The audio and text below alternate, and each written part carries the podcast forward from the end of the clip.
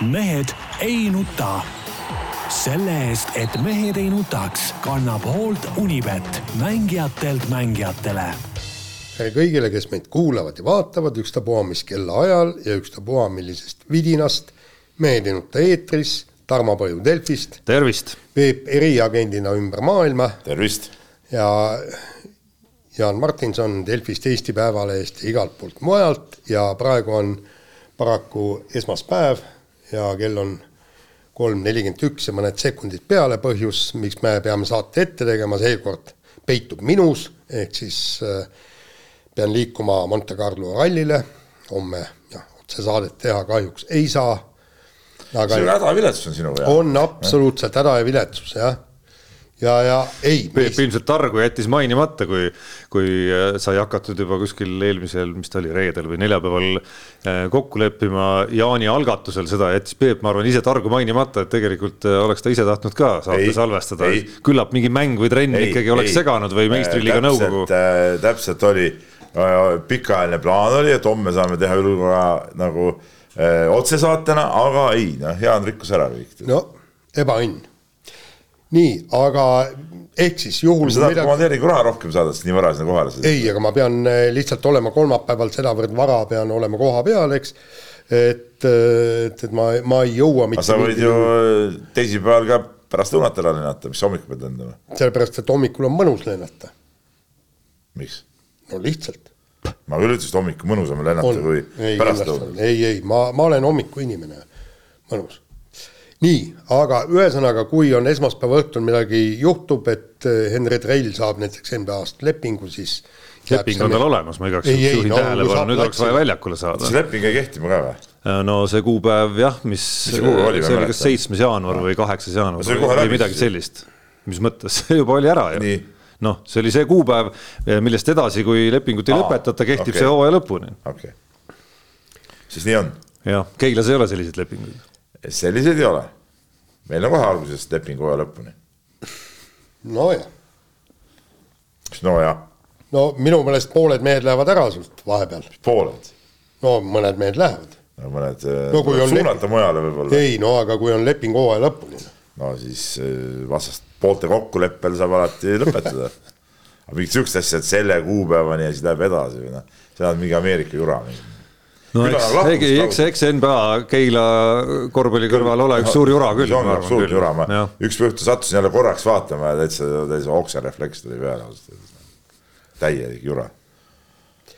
nii, aga no.. Nende soorituste kõrval eriti vaatasin pärast seda enda mängu. ja ei no see on teine asi. teine asi, teine asi seal oli suur mäng käis ikka. kuidagi peaks ikkagi, ma kuulan üsna aktiivselt äh, ühte Euroopa korvpalli teemalist äh, podcast'i, mida siis äh, leedulased teevad inglise keeles Urbonus on nimeks sellel ja, ja seal ikkagi aeg-ajalt ütleme kord kvartalis tuleb jutuks seal selline Euroliiga turunduslik pool ka ja ikkagi see küsimus, et kuidas seda Euroliigat ja, ja Euroopa kossu teha siis ka ameeriklastele atraktiivsemaks, et, et kuidas seal mingeid selliseid ma ei tea, NBA sugemetega mehi, kes siia tulevad ja satuvad ja mingeid hetki, mis välja lõigatakse, et kuidas siis äh, teha nii, et need ringleksid ka seal USA publiku ees rohkem ja, ja koguks lõpuks need mängud rohkem vaatajaid ja nii edasi. et mul on tunne, et Keilal ka täitsa võiks mingi oma, oma strateegia siin, äh, siin väljamõtlemisel olla. et kuidas, ja, et kuidas see Keila koss, mis ei, on ikkagi Ameerika nii. vaatajad meid ei paelu, meid huvitavad oma inimesed ikka. ainult. Need on ikka oma inimestele, seda muidugi. ei no jaa, aga tegelikult no ma ise mõtlen, mis on seal need äh, suuremad nii-öelda telesaated seal NBA-st, NBA Today või midagi niisugust. TNT Overtime. joo, täpselt nii. Barkley ja, ja Shaq ja seal võiks ju ja. ette võtta küll natukene. mis meil sellest kasu on? no kui tuleb mingi noh näeb, ma ei tea, Microsofti boss näeb näiteks ja tahaks tulla teile mõne miljoniga taha, siis no, ütleksid ei, ma saan aru. kui ta oleks erudeeritud inimene, siis ta jälgiks seda nagunii. jah, ei, aga tegelikult iga, iga saade, näiteks reede või neljapäeval on siis äh, lõpus on noh, nagu meil nädal Keilas oleks ka samasugune rubriik seal näidatakse. näiteks jah? jah, noh, absoluutselt noh miks ka mitte. Tesla Nii. näiteks, Elon Musk tuleks, sobiks. aga räägime nüüd äh, streigist ka natuke. kas ikka päris huumor on ju tegelikult ju nii. no see, kuidas sotsid ja Eesti kakssada iseenda vastu streigivad. ma ei tea, kas siin nüüd rohkem huumor on või vähem huumor kogu selles loos. põhihuumor, kui huumorist rääkida, noh jutumärkides pigem on see, et, et noh, ütleks, et palka maksame me poliitikutele eelkõige selle eest, et äh, nii-öelda asjad hoitakse kontrolli all ja ehk siis hiljemalt eile õhtuks oleks võinud ikkagi mingi lahenduse välja mõelda. ei no kõige suurem huumor on see, et valitsusel ise kaks valitsuse parteid kolmest protestivad siis iseenda valitsuse vastu praegu seal ju. ei no aga ongi niimoodi ja tegelikult mina see ise ei ole huumor sinu arust või? ei no minu arust on see huumor palju laiem. ei no see on, see on minu arust huumorites kõige suurem huumor jah, see on kõige absurdsem asi, see on sama hea, kui sa, sa protesteeriks praegu, ütleme, tuleksid plakatiga, et äh, Delfi tegevtoimetaja ütleme, tegi mingisuguse otsuse onju ja siis sa tuled järgmine päev plakatiga tööle, ütled, oli Delfi tegevtoimetaja, kaua see jama kestab, tead noh.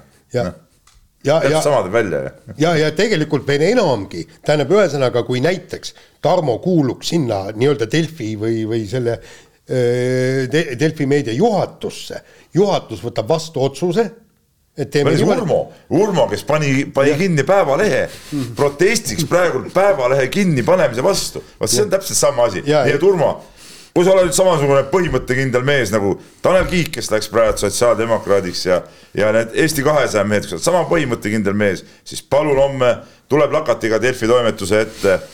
Eesti Päevaleht peab säilima kaua see jama kestab, kaua see kuradi soonvad seal pukis on, tule siukeste plakatitega sinna välja, tead noh, jah. Ja, see on aga- täpselt sama välja, aga tegelikult ma ei saa, ma ei saagi ühest asjast aru. Tähendab, Urmo läks nüüd nii lihtsalt, ma pean ütlema, et äh, alles üle-eelmises saates äh, ma tegin reklaami, et me rääkisime sinust ja, ja siis ta läks kuulama ja no esimese hooga jõudis pool tundi ära kuulata ja ei tulnud seda kohta veel, aga täna kuidagi see nii-öelda pingelangus tabab teda juba üsna kiiresti. väga hea, kui kiiresti, siis ta jõuab minna oma, ütleme, väikeste näpukestega neid plakateid valmistama ja see võtab ka aega, tead noh. ja ma tean, et ta ei ole väga osav näputöömees, et see võtabki tal aega, tead noh. kust sa tead? no, no see on talle ju ütleme, ütleme nagu näkku kirjutatud, tead noh. ei, aga ma tahtsin mis sa arvad, õhtuti Urmo istub tugitoolis, vardad käes ja koob sokki aga või? kust sa ei tea, äkki koob. või, või, või ma ei tea, valmistab seal et mingist sa, sa, sa ei usu, et värvilisest kartongist eh, sünnipäevakaarte, mida, mida sõpradele, sugulastele saata või? jah, ja peedist pesumasinale trummit ta ka vist ära ei tee jah, see, see ei ole nagu tema ampluaad, tema ampluaa on, on lugeda lõputut uudiseid ja neid mööda erinevaid toimetusleheli saata. jaa, aga ma tahtsin lõpuks öelda, et, et ma ei saa aru, et see Eesti kakssada ja sotsid, nad oleks öelnud kõik, tähendab, kui, kuna nad peavad seda valits-, seda õpetajate palka ja kõike seda niivõrd tähtsaks ja kõik, oleks öelnud kõik, meie lähme siit valitsusest minema ja palun, Kaja. ei, kuule, kas sa oled ise mitte nagu seda eelarvet vastu võtnud, kus need palganumbrid on nagu sees või? jah, või võeti, Ei, ei, või see- nemad ei, ise ei hääletanud eelarvet? ei, ei no nad lihtsalt ütlevad, et no nüüd tuleb ümber muuta ja kõik ja, ja kui meie järgi ei just nagu, käituta, just sai eelarve valmis ju. kas ei tähenda, aega on ju mööda läinud mitu päeva juba. ei, aga see, see põhimõtteliselt on totter ja, ja minu meelest need inimesed, kes on nagu streigi vastu, kui nad hakkavad seal mi- mingit jura rääkima, unustage ära see õpetajate palk, jah, see on tegelikult üks, üks ainuke asi ja need praegused õpetajad ja ma olen täiesti sellega nõus, nad streigivad selleks, et tuleks õpetajaid peale. meil läheb öö, isegi kümmet aastat ei lähe viie aasta pärast meil lihtsalt ei ole, puhtalt ei ole õpetajaid, mida me siis teeme? sest eh, need, kes viie aasta pärast peaksid eh, tulema, need peaksid minema ülikooli või, või siis no, neil peaks olema see karjäärivalik juba praegu täpselt teada. ja seal on tegelikult probleem, aga see palk on lihtsalt üks ja, ja kõige lihtsam asi, eh, mille puhul streikida, tegelikult nad tahtsid ju teha selle nii-öelda pikaajalist kokkulepet, ütlesid, et hea küll, me lepime sellesama palgaga, aga teeme pikaajalise kokkuleppe, teeme kõik need igasugused kõik muud, muud süsteemid, asjad ka kõik ära. ja sealt tuleb, igalt poolt tuleb välja, välja probleeme, nüüd kirjutas üks õpetaja ju väga hea artikli, ütles niimoodi, et teate, ma ei ole sellega nõus, ma olen äh, õppinud palju, ma olen lõpetanud, ma olen magister, ma olen kümme aastat äh, õpetaja olnud. Ja praegu tuleb õpetajaks inimene, kellel ei ole haridust, õpetajaharidust, ta ei ole ülikoolis käinud, kõik nii ja ta saab täpselt sama palju palka kui mina, kümneaastase staažiga õpetaja. ja ta ütles, et see ei ole õige. see ei ole õige.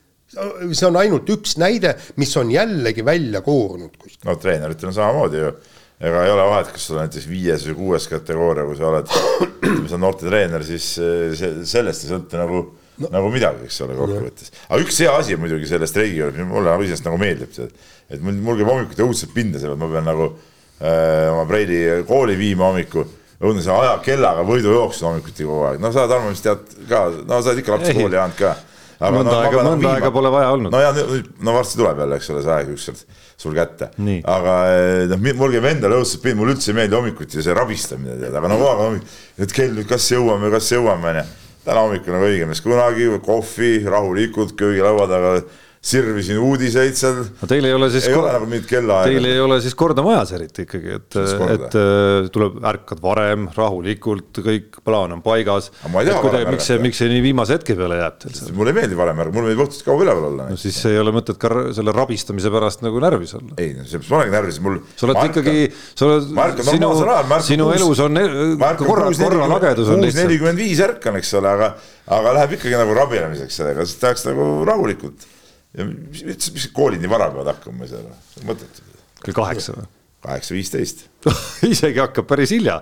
ma mäletan, ma käisin gümnaasiumis siin, ma ei tea, kas ühisgümnaasiumis endiselt seitse nelikümmend viis hakkavad tunnid või? ei, tead, tol ajal oli Vasalemmas hakkasid omal ajal, kui ma käisin Vasalemma kaheksa klassises koolis, hakkasime just kaheksa nelikümmend viis, kui ma õigesti mäletan mm,. muide, jaa, aga tead, milles põhjus oli? bussi, bussisõiduplaani järgi oli. just, täpselt sest kui kõikides koolides oleks hakanud kõikidel kell kaheksa pihta, siis oleks bussid umbes olnud. ei, mõtlen ka maaliini busside ja..., seda meil lapsed tulid ju mm., siis ei olnud nagu mingit koolibussi, eks ole. ei, aga Tallinna. ja, ja siis oli nii, et liinibussid nagu tuli, liinibussi graafik oli selline, selle järgi oli pandud ka see.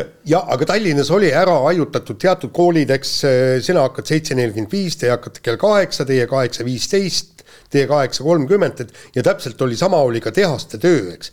et suurtehased et kus hakkas kuus nelikümmend viis, kus hakkas seitse viisteist, et see, et see. see Nõukogude ütleme, kord oli ikka nagu ütleme, selles suhtes oli nagu hästi. ei, ta oli, ta oli selles mõttes, ta oligi mõistlik, et ei olnud tipptunde, see tipptund oli ära hajutatud Nii, ja, ma aga... mäletan veel, et kõige segadust tekitavam hetk oli kella keeramine veel, kus noh, tänapäeval on kellad muutuvad põhimõtteliselt ise, on ju, aga toona rongiaegadega oli tükk, tükk nagu askeldamist, et neid nagu maha ei maga, aga noh, me räägime siin saate alguses ja teie. seinakell muutub ise.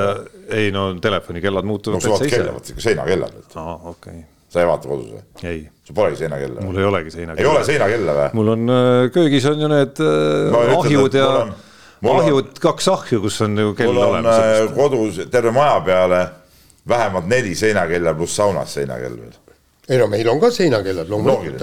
ei, selge see, kui on loogiline. ja neid peab iga kord äh, kruttima, noh. no palju õnne, aga eh, sa katkestasid mu mõtte ikkagi, sa katkestasid mu mõtte ära, et siin räägime õpetajate streigist, sellest, et meil ei ole õpetajaid kümne aasta pärast või viie aasta pärast, nagu täna televisioonis räägiti, kui me ei lahenda ka lisaks palgale muid probleeme aga see kõik tundub nagu ikkagi nagu tühine kõige suurema probleemi kõrval, mis meil ikkagi vabariigis praegu on. Jaanile ma ei saa seda testküsimust äh, kuidagi esitada, sellepärast et Jaan loomulikult äh, oli mul hommikul juba vestluspartner ja me natukene rääkisime sel teemal, aga Peebu peal ma saan nüüd testida, et kas sa tead, mis on tegelikult kõige suurem mure ja probleem Eesti Vabariigis praegu. nii, ja nüüd on küsimus, mille kohta see käib, see lause, see tsitaat praegu ehk siis äh, jutt käib, äh, nende all käib siis jutt, äh, tsiteerin, paljudest tarkadest ja riiki pühendunult teenivatest Riigikogu saadikutest, nii. ja nüüd on küsimus, mille eest neile või meile, küsib siis üks riigikogulane ehk siis meile kui paljudele tarkadele riiki pühendunult teenivatele riigi, Riigikogu saadikutele on praegu kraanikausi alt võetud põrandapesulapiga vastu nägu löödud. muidugi teab, milles asi on. no kohe noh. ma tean, mõnel inimesel olid juba riided ka valmis õmmeldud või õmblemisse antud. no vot, see on suur, see on ikka põhiprobleem, nagu ma aru saan, meil praegu riigis. käinud ka, vaata, sa olid vanas joomas selle eelmise presidendi äh, mingi tegelasega, said Nii. ka pardukutse, nüüd said või? ei eelmine kord ka ei saanud no,. aga mul oli. aga ma näen, aga ausalt öeldes, kui ma nüüd hästi vaatan, siis ütleme su näo peal on see ekraaniga siin lapi sihuke jälg ja ma tunnen nagu siukest, ka siukest nagu siukest äh, solgilapi nagu leht nagu jah. ja aga tegelikult äh, ja, ja tegelikult kuule ei no absoluutselt. ei, jama on majas, see Karis ütles seda kõike liiga hilja seepärast, et mul oli ju selle meie ennustusmängu võit oli ju olemas, eks. ja, ja, ja, ja pra, kohe ma mõtlesin, et, et vahestel riigikogudel, kuule, inimesel on kahe tuhande eurone kleit ja tal on pool valmis, pool veel öö, tegemata ja kõik, et ta peaks, tähendab, ühesõnaga tema taskust. sa juba läksid juba abet, sa käisid abet juba kohitsemas või? Ilmaasjata kohitsesid oma habet või? või Ei, ei, mitte habet. jõudsid, kas sa jõudsid ka mingi fataalse vea ära teha juba? võiduraha anda selle Kleidi jah, eh, fondi ennustusmängu näiteks. noh. Unibeti jah. aa, ei ma mõtlesin, et sa äkki võitjana Ei, lootsid mina mõtlesin ka. ma mõtlesin, et äkki sa võitjana lootsid ise ikkagi, et no kuule, millal see kutse nüüd ikka tuleb, kui nüüd, kui ma olen Ei, ei, võitnud ei, selle ei, ei, ja ei, juba ei, lasid oma lasid oma habeme ära kohitseda võib-olla juba. mina arvasin et me oleme kutsutud, ausalt, mina olin nagu arvestanud sellega ka. Ma olin Ekspressi päkapikk näiteks, mõtlesin, kas see ei ole nagu piisav nagu asi, et siis oled kohe otse automaatselt ka selle presidendi nimistus. peale seda Alar Karis nagu tore mees, ma mitte ei ole öelnud, et, et Karis on tore mees, mis ta mind ei kutsunud? ah, mis tähendab siis? jah, aga tegelikult. jah, sa oled võib-olla kaks kilo võtsid alla juba, oled, oled ütleme, mitu, mitukümmend, ei, aga tegelikult see on kõik päevaplaan oli paigas, need on kõik rikutud. jah, oled üleval pidanud ennast tänu sellele võib-olla mängudel natuke viisakamalt ja intervjuudes ja no ja. lihtsalt, et mitte ära rikkuda, lörtsida seda nagu näed, viimasel hetkel tõesti, noh. Aga tegelikult on see ääretult piinlik, no kallid riigikogulased, tehke mulle nüüd selgeks, mille pärast olete teie paremad, kui on õpetajad, kui on põllumehed, kui on head ja tublid targad politseinikud, kui on, ma ei tea, kas või seesama Maxima kassapidaja, kes teeb tõesti palehigis tööd, nemad ju peavad teid üleval, nemad toodavad mingisugust väärtust, lisandväärtust. nad siis targad ja head on no.? tark inimene lähebki Riigikokku, kus midagi tegema ei pea ja, ja saab äh, ja palka., ja, ja tegelikult on piinlik. niisama kutsutakse. jah, tähendab, ma öö, tervitan siin tõesti Alar Karist ja ütlen, et järgmine kord ei ole ka vaja neid, neid teisi Riigikogu öö, vendasid sinna kutsuda, need noh, nii-öelda Riigikogu esimehed. ei no ei, ei ole vaja, sa paned, tähendab. ma olen päris mitmes juhatuses tegelikult, ma ei saa, tõepoolest praegu ma tulen. ei no ütleme otse, kutsu, kutsuda neid, keda sa tahad kutsuda, kogu lugu noh. jah, ei, aga tead, ja, ja no ütleme, kui keegi, ütleme need, kes veel kurtma hakkavad pärast avalikult, et miks mind ei kutsutud, noh, need on kõige ilmselgelt kõige õigemad, keda mitte kutsuda ja ke- kes tõestavad oma virisemisega ja kurtmisega ilma häbitundeta kõige hiilgavamalt ise, et neid ei olekski pidanud kutsuma. näiteks Raimond Kaljulaid mind enda sünnipäevale ka ei kutsunud, noh. kuidas niimoodi saab siis, noh? Tegelikult no see on ikkagi see põrandapesulapp ja no ma hakkan ka tundma siin vaikselt nagu on. ausalt öeldes. nii, kuule, aga lähme nüüd spordi juurde, aita. oota, oota, ma veel, veel poliitika. ei, ei, millal ma sünnipäev lihtsalt on, muidu, tead sa ka? ma tahtsin lihtsalt teha väga hea ettepaneku. las Et millal, rahvas sa-, las rahvas valib äh, ise, keda presidendi sinna äh, paleesse kutsuda. panna äh, näiteks Raimond Kaljulaid versus Maxima kassapidaja ja kes rohkem klikke saab, see läheb. kuule, ma juhtumisi nüüd vaatasin välja, Raimondi sünnipäev on viie päeva pärast, kahekümne seitsmendal jaanuaril Aa., ei ole tulnud kutset. ei, ja ma tükk aega harjutan seda laulu, et sõber tuleb? Raimond oli sünnipäevalaps, sai jälle aasta. äkki tuleb veel kutse, kuule. aa, võib-olla tuleb, aga see on ka viimasel hetkel jälle, no laupäev, nii. et kui veel äkki teisipäeval tuleb kutse, oleks veel okei okay.. ei, mul on äh, laupäeval, ma, ma ei saakski teada, ma saan efektselt tagasi lükata selle, aga noh, ikkagi. ei, aga lükaku siis sünnipäev edasi, täpselt. pühapäeval kui sa saad tulla. nii, läheme spordi juurde. issand, naerad palun. ei, mul tuli see sõber Raimond oli sü- sünnipäevalaps tore laul minu arust jah. ja see on ikka legendaarne laul, jah. hakka nüüd lugema teemat. mina ei pea midagi lugema no, no ma ei saa mina võin naerda, palju tahan. nii, nii, Monte Carlo ralli avab tänavuse ralli hooaja ja no ma olen lugenud siit-sealt igasugust jutte, et kui äge see tuleb ja, ja kes tuleb maailmameistriks ja no ühesõnaga, kolm kandidaati on ja, ja, ja tegelikult maa, maailm nagu ootab, sealt ei ole nagu suurt midagi võtta ja siis äh, ootab põhimõtteliselt äh, suurt lahingut äh, Ott Tänaku ja Triini Villi vahel.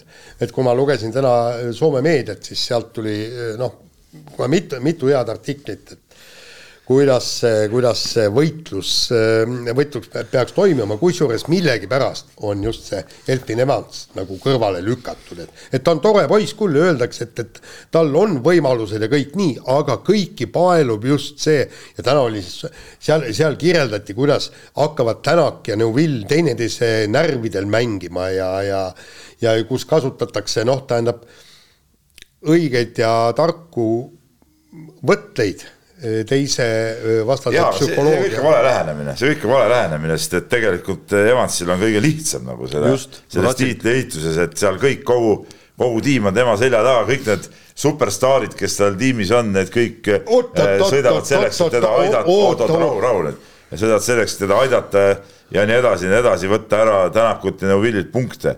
et, et see selles suhtes on, on ikkagi Evansi kõige lihtsam. jah, võib-olla ta ei ole neist kolmest eh, kõige talendikam, aga, aga ütleme, ütleme, kui vaadata seda olukorda, siis temal on kõige, kõige parem see seis. kuule, Peep, ma võin sulle garanteerida, et mitte hooaja alguses ega ka mitte hooaja lõpus ei hakka Sebastian Ogier ega ka äh, Kalle Roandpera tõmbuma eest ära ei, mitte seda, mitte seda, aga nad võtavad ära punkte Tänakult ja Neuvillilt ei, aga kui nemad on esimene või teine, esimene või esimene, teine, kuidas iganes ja kolmas on, on Evans, no mingit vahet ei ole, see on nii väike punktide vahe, et, et kui seal, abiks ikka.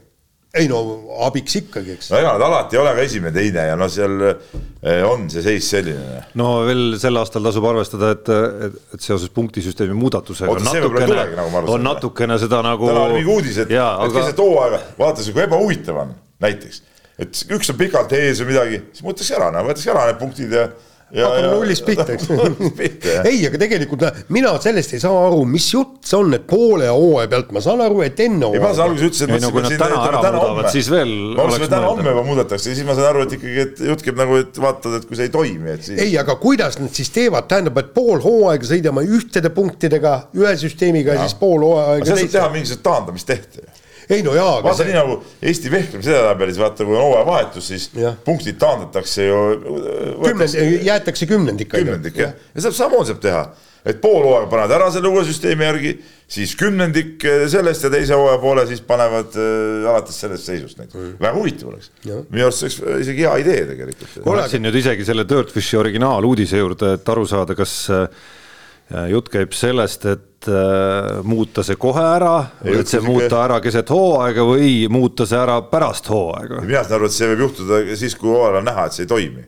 jah, no vähemalt nii, nii ütles see FIA ralli rallijuht, aga tegelikult Dirtfishi äh, juurest on ju tegelikult tulnud ju terve mass kummalisi, kummalisi ja samas ka põnevaid uudiseid üks on see, et, et nad tahavad juba järgmine aasta minna selle äh, Rally2 pluss autode äh, autodega alustada MM-sarja ja kusjuures keegi nagu ei ole kinnitanud ka, et see ei ja. või juhtuda. tähendab, kui Dirtfish kirjutab niisuguse uudise, siis esimene asi oleks ju, kui see uudis oleks täiesti vale, oleks FIA. lükkavad ümber selle kohe. lükkavad ümber, kuulge, ärge kirjutage jama. ütleme autoriteetne, no ütleme ralli maailma põhiuudiste portaal praegu. Just. et, et sihuke asi, asja kirjutab siukest asja, siis eh, loomulikult noh, see eeldab mingit reaktsiooni. ja, ja muide, seal oli väga huvitav oli ka see, et et tuli välja, et, et Hyundai hakkab ehitama uut autot, kuigi tähendab, nad ei, nad ei ehita seda autot nullist pihta, aga nad täiustavad nii palju, kui vähegi võimalik on täiustada, eks nad ei hakka uut šassiid ilmselt ehitama ega muud. et ehitavad täiesti uue auto, tähendab, muudavad seda praegust autot ümber nii palju, kui üldse võimalik on, eks ju. ja seal ka öeldi, et, et jah, praegu tööd selle nimel käivad, aga me tahame kõigepealt teada saada, mis juhtub järgmine aasta, milliste autodega sõidetakse. ja, ja seal ongi, see oli, kas ta oli, oli kas veebruari lõpp, kui, kui võetakse siis mingisugune otsus vastu selle FIA ralli komi- või tegelikult see noh, FIA suures nõukogus. et aga, aga mis nüüd äh, Monte rallit puutub oota, ära veel Monte juurde mine, et te kaldusite korraks selle ho- hooaja vaatest nagu kõrvale, et mm, -hmm. et kui siin äh, eksperdid, kes siin sõna võtavad, räägivad eelkõige, kuidas see on Tänaku ja Neuvilli vaheline asi ja siis äh, Peep siin ühe vastuargumendi tõi välja, siis ma oleks tahtnud mainida. ma, aa mis ma, muidugi, Jaan on ekspert. et siis äh, ma, ma tegelikult oleks tahtnud susata vahele siia, et äh, need vahed on küll üliväikesed, aga noh, võttes kasvõi üks- ükskõik, kas meie oma toetaja Unibeti või ükskõik millise muu kihlveokontori hooaja koefitsiendid välja, siis äh, kusjuures äh, on Elfin Evans isegi nagu esimeseks pandud ja ma arvan, et see ainus, noh, vahed on küll väikesed, aga ma arvan, et see ainus seletus ongi sellele, et on üks Evans ja on ühes tiimis kaks äh, tiitlinõudlejat, kes Ja võivad seal teineteist natukene segama hakata. ja mitte ainult, on ka see, et, et Toyota, Toyota, autona oli eelmisel aastal Hyundai'st üle. ja, ja aga kuigi Hyundai tuli eelmise aastaga autona Toyotal lähemale võrreldes üle-eelmise aastaga ja ütleme, see arvestades nüüd nagu seda, et Tänak on ka tiimis tagasi, see progress võib jätkuda ka sel hooajal või no tõenäoliselt jätkubki, aga eh, loomulikult võtab natuke jälle aega, et, et seda on ju Ott ise ka ütelnud, et, et ta läheb ikkagi, ütleme selleks eh, auto timmimiseks kindlasti või nagu tundma õppimiseks ka uuesti läheb ikkagi mõni, mõni ralli läheb aega, noh. ja teadupärast siin hooaja alguses on need, need eh, spetsiifilised rallid kõik, kust ei saa nagu mingeid suuri järeldusi teha no aga, aga, aga seal oli ka veel üks huvitav asi, oli Hyundai boss ju andis teada, et nende peamine eesmärk on sõitja tiitli võitmine. ja ma, jah, ei, aga ma arvan, et, et seal ta näeb selleks rohkem võimalust, sest Rovanpera ja äh, Ossier, nemad saavad ju noh, põhi, põhirallidele startida nagu kõige mugavamatel kohtadel, võta ju kruusarallil, kogu aeg tuleb tagantpoolt, eks et ja, ja, ja ma arvan, et ta kardab seda nii-öelda, et, et suured punktid lähevadki Toyotale. No see Asseldi rallidel ei saa siiski mugavalt kohast startida. ei, tema ei saa, aga, aga no kruusa äh, rallidel saadakse. Ja kusjuures nagu äh, Latvala ütles, et mitmel rallil ta ütles, me ei tea, me ei ole, me kõik, kõik ei ole veel selge, aga äh, võib juhtuda, et mitmel rallil sõidavad mõlemad, nii äh,, nii Lappi kui Ogier ja paneme Evansi ka, et Hyundai'l on väga, väga keeruline sellele kolmikule vastu saada, kui neil on tõesti endal ainult kaks meest. ja, ja, ja siis see kolmas mees on kindlasti kehvem kui, kui Toyota nii-öelda kolmanda auto sõitjad. nii, aga nüüd Montest. Montest. asjatundja Pahv. ettearvamatu nagu alati, aga. Ogier. Ogier, jah, ikkagi Ogier oota, kuidas seal starditakse, tehke see ka selgeks kohe. eelmise aasta järjestus või? järjestuse põhjal, eks ole, jah. nii et, et tegelikult Ossiel ei ole kõige mugavam. Neuvill on esimene. jah. sest Roomperat ju ei ole seal. ei, Evans, kas ei pea esimene olema? ei, või oli, ai, ei. jaa, Evans, Evans. Evans jah ja., Evans ja siis Neuvill. siis Tänak. ja, ja mis, mitmes Ossier oli? Mingi kuues-seitsmes? Äh, Ossier, vaatan kiirelt, oli Tänakust järgmine kohe ah ehk siis viies. ehk siis viies jah ja. noh, okei okay. aga no ütleme seal ikkagi, vot seal ju sõltub kõik sellest, mis see ilm on ja, ja kas tulevad mingid kuskil kuskil pool mäge mingid ekstreemsed olud või ei tule ja seal mõnigi aasta on läinud ju täitsa nii, et midagi ei juhtu. Mõni aasta niimoodi, et kiiruskatsega minut on pole probleem. kiiruskatsega minut ei ole mingi probleem, tead noh. aga samas jällegi noh, selge see, et, et ma vaatasin, mis seal kapis toimub ja tegelikult sealsamas kapis, kus on siis see võistluskeskus ja mis on, ta, ta ei ole seal mägedes kõige kõrgemal, aga ta on niisugune poole peal, eks kui tavaliselt on seal olnud niisugune noh, pakun välja niisugune pluss viis, pluss kuus kraadi, siis nüüd lubab pluss kaksteist umbes. et mi, mis tähendab see, et, et olud on üsna kevadised. No sa ei tea ikka, mis tea, mägedes, mägedes, seal, seal, ja seal ka on raske prognoosida, seal ikkagi see võib muutuda teadupärast mägedes ilm ju, ju mingi hästi-hästi kiiresti, no ma, sõber Ants praegu muidugi kuulab mu juttu, siis siis ta, tal on muidugi oma teooriad, kuidas see asi käib, aga noh, põhimõtteliselt ikkagi nii on rusikareegel jah, ja, ja, ja, tegelikult see on täiesti ennustamatu, eriti veel Ott Tänaku seisukohalt, et, et kuidas nüüd see uus Hyundai, kuigi ta ütles, et, et suurt midagi ei ole muutunud, see auto on veidi parem, peenhäälestus jah, et, et, et kuidas Ott Tänakule see sobib. kusjuures Ott Tänak ise ütles, et ta tahaks Montes poodiumile sõita, mille peale siis Hyundai boss ütles, et anname Tänakule aega et, et seal on võib-olla tõesti, et ta, et tema nagu tahab psühholoogiliselt tõmmata nagu anda, anda, selgitada Tänakule, et oota nüüd, ära hakka kohe gaas põhjas suruma.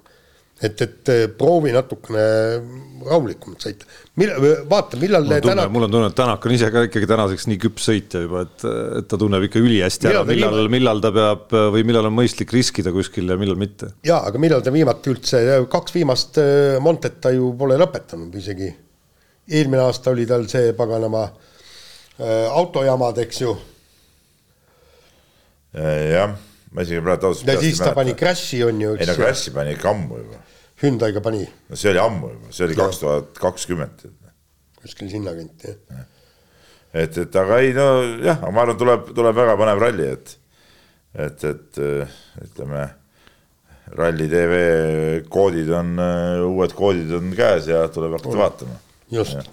Nii, aga rääkige natuke teistest Eesti rallimeestest ka, et Peep, sa kirjutasid loo, kuidas Robert Virvese karjäär tundub, et rahapuudusel hakkab toppama vist jääma ja ega Georg Linnamäed ka päris esimesel hea lugu, aga kurb lugu oli ei, Linnamäega ei ole mingit probleemi, ega Linnamäe, ma arvan, et ei plaani, Linnamäe sõidab äh, Arctic rallit kohe veebruari esimesel nädalavahetusel ja, ja läheb, läheb sealt edasi Rootsi rallile, et, et WRC kahes ju ei lähe kõik etapid arvesse, et tal seal ei ole mõtet sinna võib-olla Montesse minna, kui, kui sealt ei ole midagi suurt tahta ja, ja talvel on ta tegelikult olnud kiire, et tal on mõtet kindlasti Rootsi ralli peale panustada ja, ja ta ju uue autoga ka, Toyotaga väga, väga, väga huvitav, huvitav asi, ma usun, et siin lähiajal saab sellest ka natuke rohkem kuulda no saab näha, kui head on ei, see Toyota. ja no üleüldse jah, saab natuke kuulda, lugeda sellest. aga, aga jah, ütleme Virvese seis teeb ikka küll nukraks, sest et ikkagi mina olen pidanud Virvest viimastel aastatel vaieldamatult ütleme Eesti parimaks noh, ütleme siis noorpiloodiks või ütleme Tänaku järel, kes siis võiks seda mantlit nagu, nagu pärida kuidagi.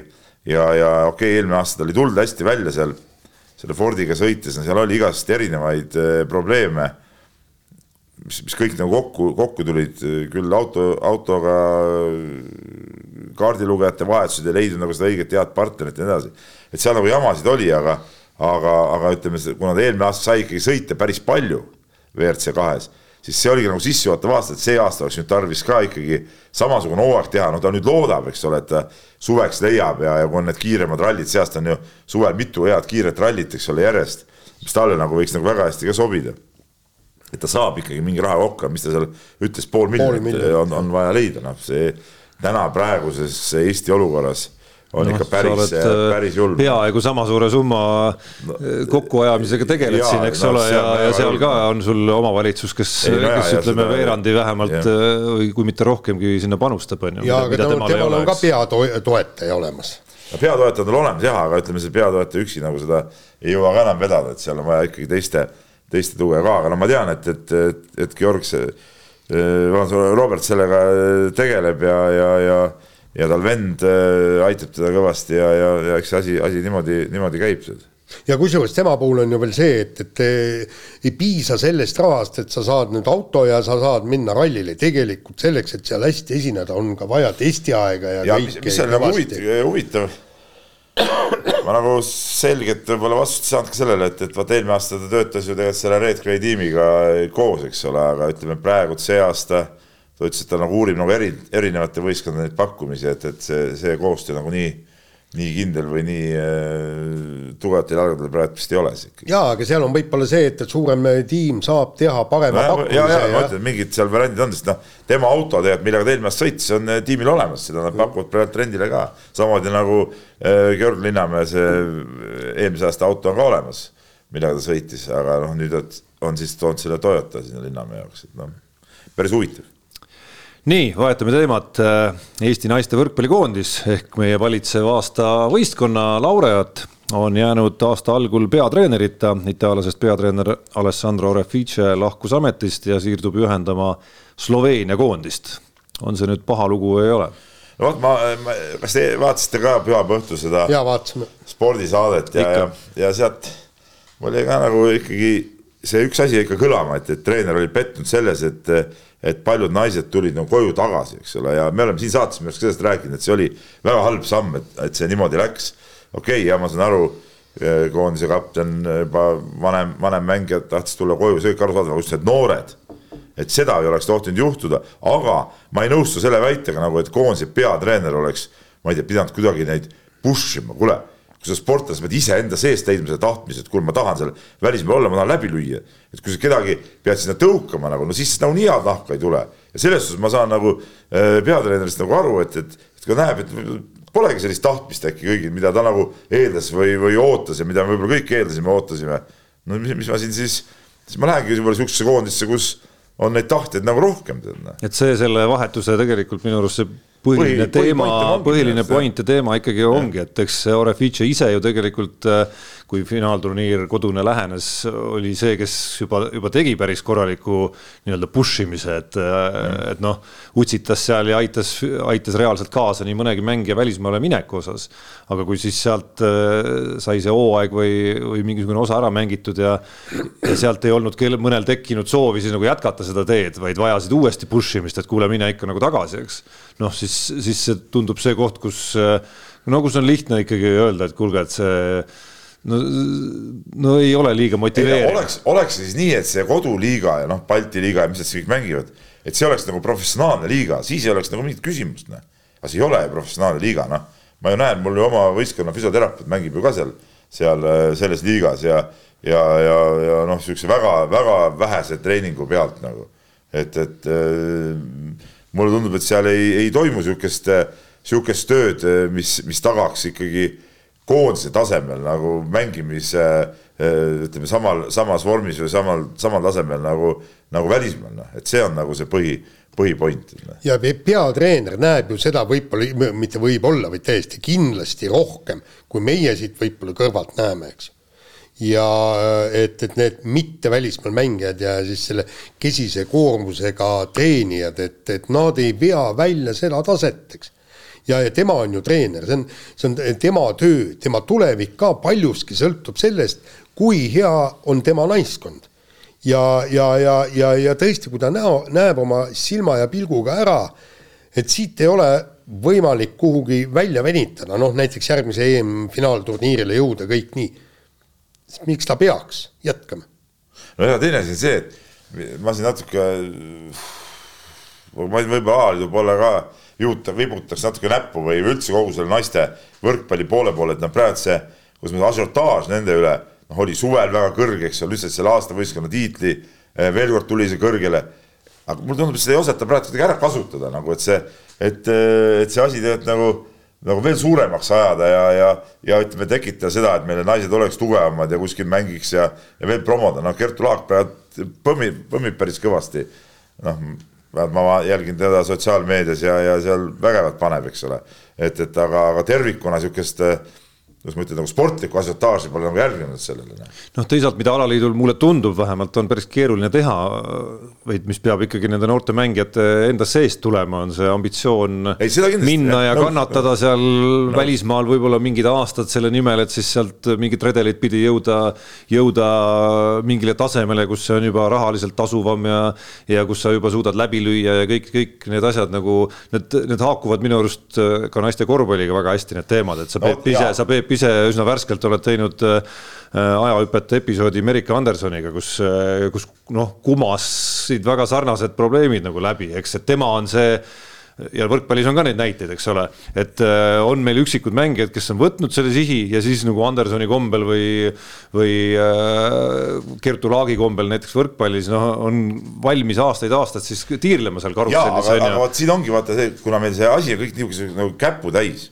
ja ma suvel, kui see Eestisse TalTechi korvpalli laiskond ära kadus ka ja, ja, ja ma olen sel teemal siin palju rääkinud ja palju vaielnud igaste inimestega ja, ja minu arust nii korvpallis kui võrkpallis, ütleme, kui meil niisuguste, nende sportlaste ring on nii ahtak, kes tahaks seda siin kodus ka võib-olla nagu kõrgemal tasemel teha, et siis võib-olla no äkki ikkagi alaliit peaks leidma mingid vahendid, et meil oleks üks naiskond nagu, kes samas võrkpallis põrutaks seda äh, Balti liigat võib-olla mingit väikest eurosarjakest, eks ole. ja Kossus, eks ole, seal kokku, ka Läti-Leedu klubidega. täpselt, no ja Kossus samamoodi, et korjaks need kokku siis need mängijad. jah, kus oleks palga, oleks mingi arvestatav palk ja, ja, ja professionaalsus ja kõik. seda võistkonda üleval, no ega seal nüüd, no, no see, ma saan aru, et seega me ei, ei saa seal maksta mingeid hirmsaid rahasid, aga ütleme, kui naised saaksid seal natukenegi normaalselt nagu, et nad saaks sportlasena nagu ära elada, noh. ja, ja ütleme, see oleks hüppelaud siis nende jaoks veel kuskile välismaale ma arvan, et, et see on nagu ainus võimalus seda, seda ala nii võrkpalli kui naiste korvpalli, naiste võrkpalli üleval hoida, et ja, ja see koondise mingit taset ka tõsta. Noh. sest et kui nad on korvpallis ka on siin ütleme paaris võistkonnas laiali, noh, mõned on kuskil välismaal, no ega, ega seal mingit taset ei ole, naiste korvpalli meistriliiga, no see on ikkagi ju, sihuke nagu teisejärguline liiga, eks ole. ja sama asi on siis võrkpallis ka, et kui nad on võistkondade vahel ära jagatud ja tehakse vähe trenni, no siis see tase ei saa ju kuidagi tõusta, noh. selles on asi. nii aga lähme nüüd edasi ja, ja väga tore uudis oli, oli siis suusamaailmast, õigemini siis äh, vigursuusatamise maailmast, kui vigastust paranenud Henri Sildaru sai pargisõidu MK-etapil kümnenda koha. ja, ja see on esimene tõsisem märk, et, et võib päris kõrgel lennata ja, ja selle taustal siis Tõnis Sildaru kriitiline sõnavõtt, et ehk oleks suusasõidul aeg mõtlema hakata, et meie freestyle koondis ka eksisteeriks, mitte ei peaks isa-poja tiim ja teised huvilised kuidagi omal käel hakkama saama ja tuletan, lisame siia juurde, et ja siis tekivadki siuksed äh, kurvad lood nagu, nagu see Sildarute perekonna mingid raha jagamised ja nii edasi, eks ole, et ma ei tea, kui meil on ühel suusaalal MK-etapi kümnes äh, sportlane, siis minu arust äh, muud suusaalad peaks nagu natuke vööd koomale tõmbama ja rahad tuleks suunata sinna, kus see sportlane on olemas. nii, Tarmoga põgusalt rääkisime sellest ka meil noor reportereid on keskealise reporteri Madis väga hea sari välismaal treenivatest Eesti sportlastest, talisportlastest.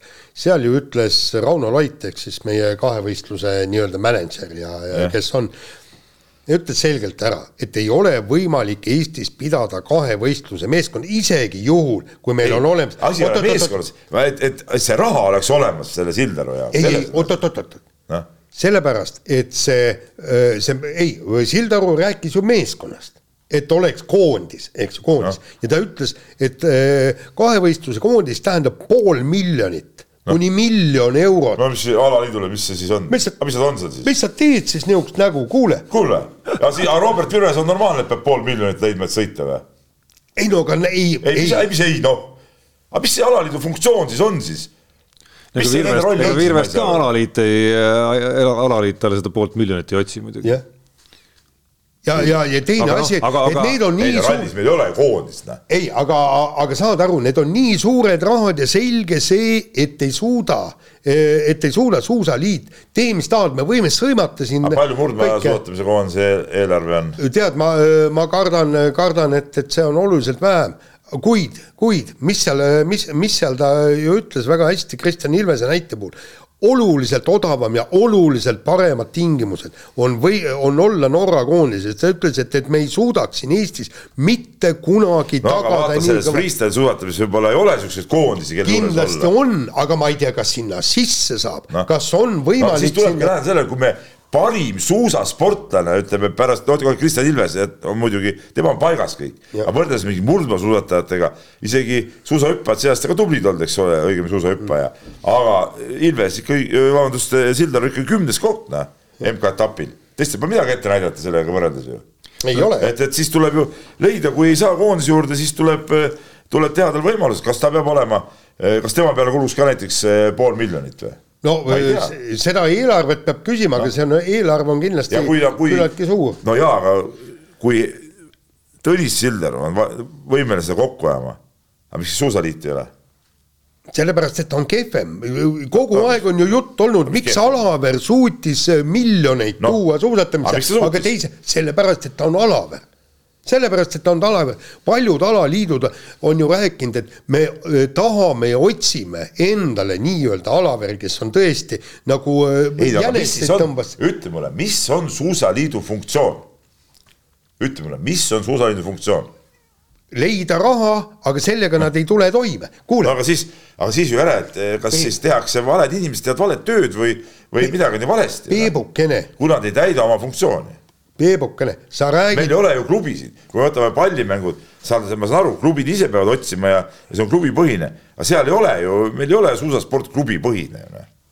Peebukene, sa räägid mulle mingisugusest kümnendast kohast, mis on tegelikult väga kõva koht, aga meil on olümpiavõitjad, EP naiskond ja kui palju on. ja sellest oled... ma ei saa ka aru no,. sellest näed, ma ei saa ka kurat aru. me käisime sinuga koos ju seal selles Sakus, me oleme rääkinud sinuga sellest, mis, mis kuradi jura seal toimus, eks ole, mis, mis võistlus, mis alaliit, millega te tegelete, sama nagu küsida, millega see suusaliit tegeleb, millega? No neil ei ole isegi president, no millega nad tegelevad, istuvad kontooras ja, ja üritavad leida raha, aga ei, aga ei leia seda, muide, mis ma tahan nüüd selle kümnenda koha öö, juurde veel lisada, ma rääkisin öö, Madis Kalvetiga ehk siis keskealise meie reporteriga. kes, kes on ainuke spetsialist sel alal. ainukene spetsialist ja kusjuures väga po-. nii-öelda spetsialist. väga positiivsed, positiivne jutt oli seal, punkt üks miks oli äh, Sildor alles kümnes, oli põhjus see, et, et ta ei sooritanud neid äh,, neid nii-öelda trikke, hüppeid ja kõike seda kava nii äh, täpselt ja hästi ja elegantselt, nii kui tegid need äh, paremad staarid, aga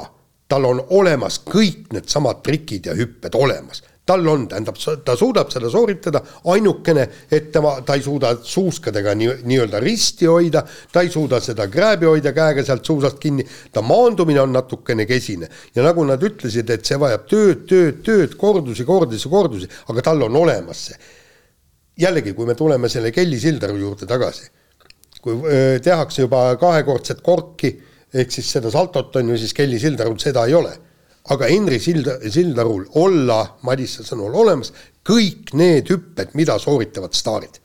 ja, ja see näitab, neid on vaja lihvida, lihvida, lihvida, ehk siis sealt tõesti võib midagi tulla no ehk siis tulles jutu alguse juurde tagasi, et kui siin rahajuttudele läks palju, et ega Tõnis Sildaru nii-öelda koondise ideel ja sellel, mis praegu on, on ka nii-öelda vahepealsed toonid siiski olemas, et, et suusaliit või ütleme, saab ja tema kohustus võiks olla võtta nüüd ikkagi oluliselt suuremasse fookusesse see ala vähemalt võrreldes selle, sellega, kuidas ta praegu on, et, et kui ma siin Suusaliidu juhtide reaktsioone Õhtulehest Tõnis Sildaru kriitikale lugesin, noh siis nad tunnistasid ise ka, et seda tähelepanu ikkagi ei lähe ju noh, sisuliselt peaaegu absoluutselt. Kohakaasluse korras seal üritatakse natukene, ma ei tea, aidata ma ei saanudki täpselt aru, mida täpselt, aga, aga, aga selgelt see tähelepanu on väga väike, et kui me räägime MK-sarja kümnendast kohast potentsiaaliga milleks iganes, siis äh, mulle tundub oluliselt käegakatsutavam ja mõistlikum investeering see, kui, kui kasvõi neid, kui kasvõi neid raha, kui kasvõi neid raha otsimise ja, ressursse ja tähelepanu kulutada murdmaale, kulutada hoopis freestyle'ile. et murdmaa mees. ei, ei no te, tegevjuht juhib, eks. minu meelest näitab seda praegu seda Suusaliidu olukorda näitab isegi see, et nad ei, neil ei ole presidenti, tähendab. Neil pole presidenti juba viis aastat minu arust. jah, aga nad ei leia ühtegi inimest, kes tahaks tulla siia. Andres Laane oli viimane president vist või? jah, just. no see oli mingi viis aastat tagasi või? rohkem isegi. ei no vähem natuke, aga, aga ei. ikkagi päris juba omajagu aega. jaa, aga, aga see näitab seda ära, et, et et ei ole inimestel soovi sinna otsa, tähendab, see president, ta peaks, ta peaks suutma tuua finantse sinna suusaliitu, eks, ja meil ei ole mitte ühtegi inimest, kes leiaks, et A suusaliit väärib neid suuri finantse või B, ta leiab, et ei ole võimalik tuua suusaliitu finantse. ega see palju, palju mööda ei pannud muidugi, et kaks tuhat kakskümmend kevadel vahetus siis lahkus Andreas Laane ametist, nii et neli, neli aastat saab täis varsti. Nii on. aga on. paraku nii on, okei okay,, võtame järgmise teema ja räägime laskesuusatamisest ja Tuuli Tomingas leidis üles suusakiiruse ja tegelikult tegi väga hea sõidu massstardis nüüd pühapäeval oli, eks jah. ja, ja terendas esikümne koht, hurraa, plaksutame ja siis tuli pagan viimane tiir, kõik viis lasku mööda. no ebaloogiline minu jaoks, noh, kuidas, tähendab no., mul oli, mul oli, kui ma seda, seda kuulsin, ma ise, ise ei näinud seda, eks, aga kui ma, kui ma kuulsin sellest, pagan, äkki lasi kõrval olevasse märklauda, on juhtunud jah, just. no antud juhul ta ei lasknud valesse märklauda, vaid lasi täitsa õigesse märklauda ja, ja minu arust võib-olla nagu, mis sa ütlesid, ootamatu või mis sõna sa ja. ütlesid selle kohta liiga ootamatu see siiski nagu ei olnud, et kui... no kuule, viis tükki. no okei okay,, viis on äärmuslik viis siiski, aga kui sa nüüd mõtled nagu selle peale, et noh, esiteks ongi see püsti laskmine väga ebastabiilne tal olnud ja siis, kui nüüd kuulata, kuulata tema enda kommentaare sealjuures ja, ja kuulata tema eelmise võistluse järgseid kommentaare, kus ta vist kas kolm jättis äkki üles, ülesse, siis siis kui see intervjuu lõppes tõdemuse või lausega, et et, et vaadates, kuidas mul seni on need püstitiirud läinud, siis ega ma tegelikult ei usu, et ma neid pihta hakkan siin saama. et kui see, kui sul korvpallur viskab peale samamoodi mõeldes, et ega ma ei usu, et need pallid korvi lähevad või mees lööb penalteid jalgpalli, jalgpallis ja ei usu, et ta need sisse lööb.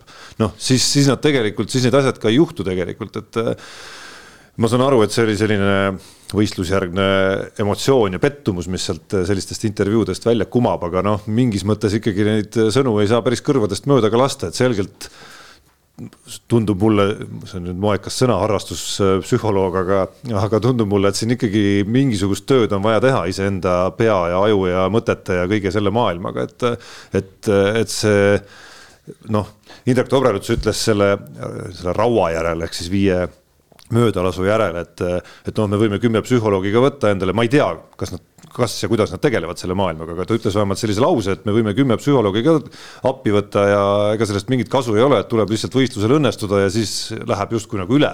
aga noh, ma arvaks, et oma mõtlemise ja ajuga tööd tehes on tõen-, selle tõenäosus, et selline õnnestumine tekib, seda tõenäosust on võimalik oluliselt kasvatada siiski. mul on ka kõigepealt üks küsimus ja, ja siis üks selg-, selgitus, küsimus on see, et, et kes on nende tiimi lasketreener?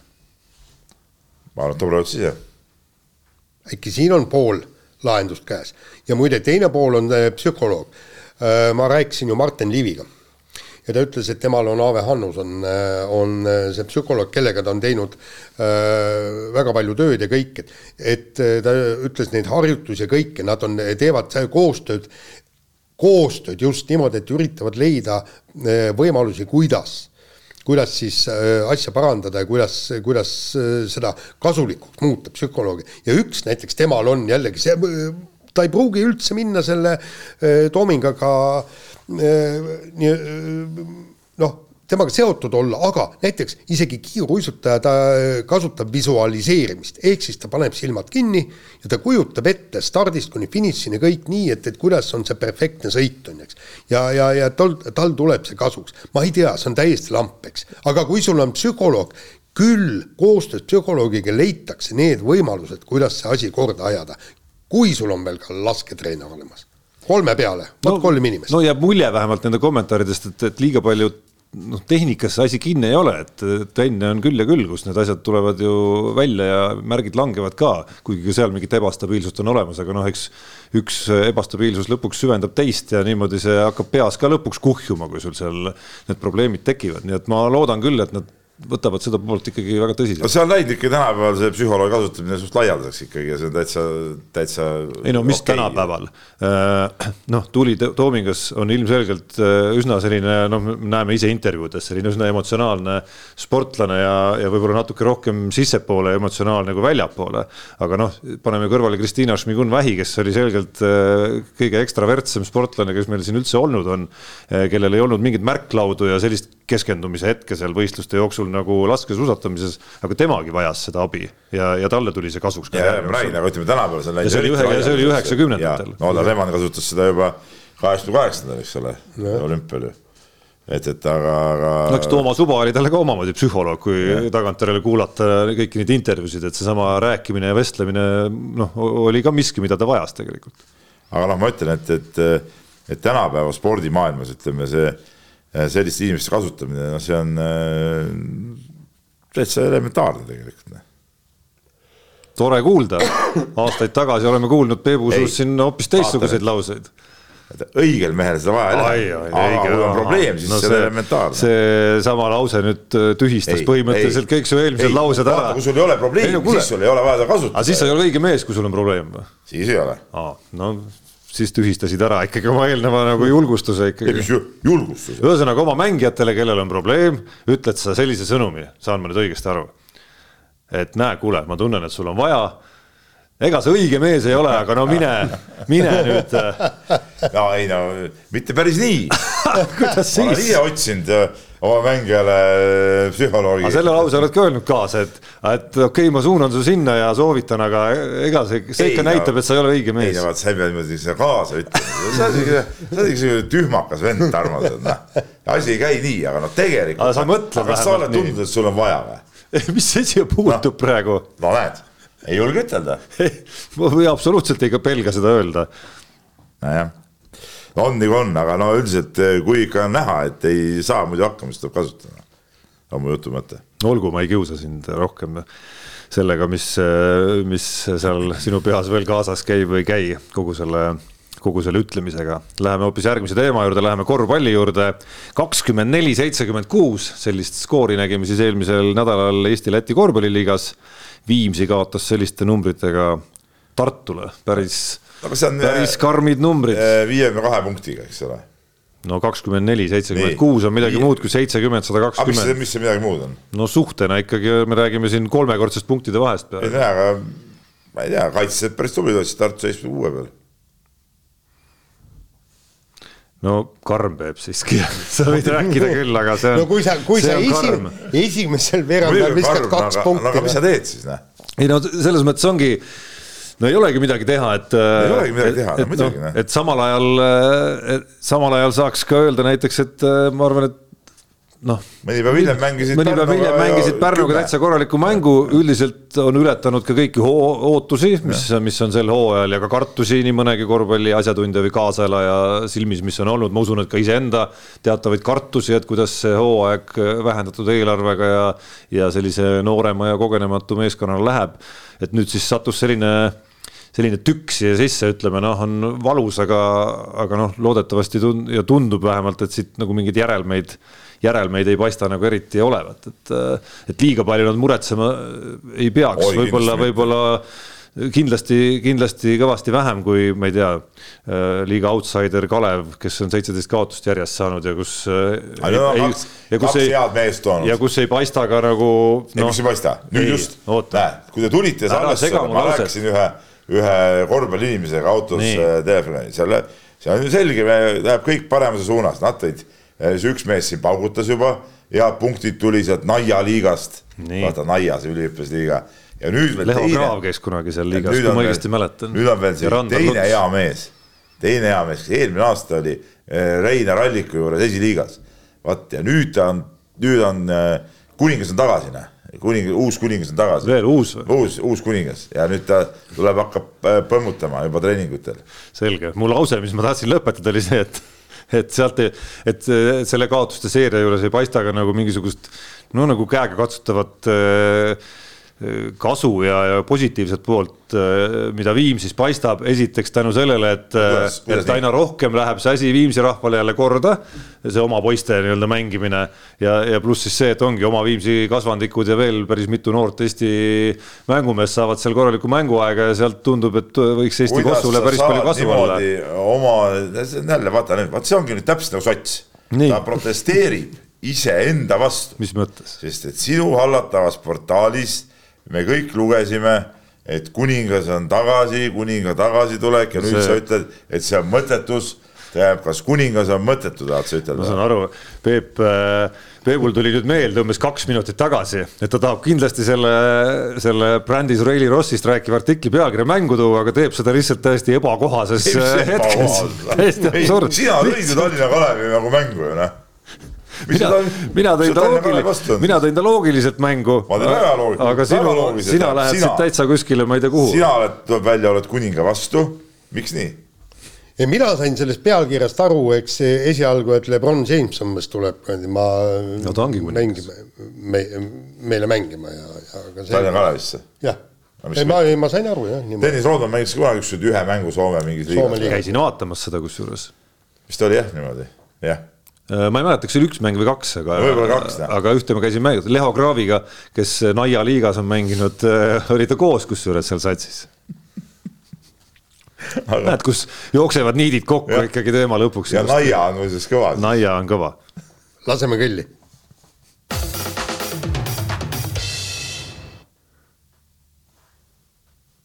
Muffiga aru ei saa, kas loodame, et kõll oli ja loodame, et kõll oli Peep oli rahul, et ta sai ikka oma kuninga teema mängu tuua, no küll, küll on õnnelik kohe inimene. ei, aga miks mitte, noh, no jumal.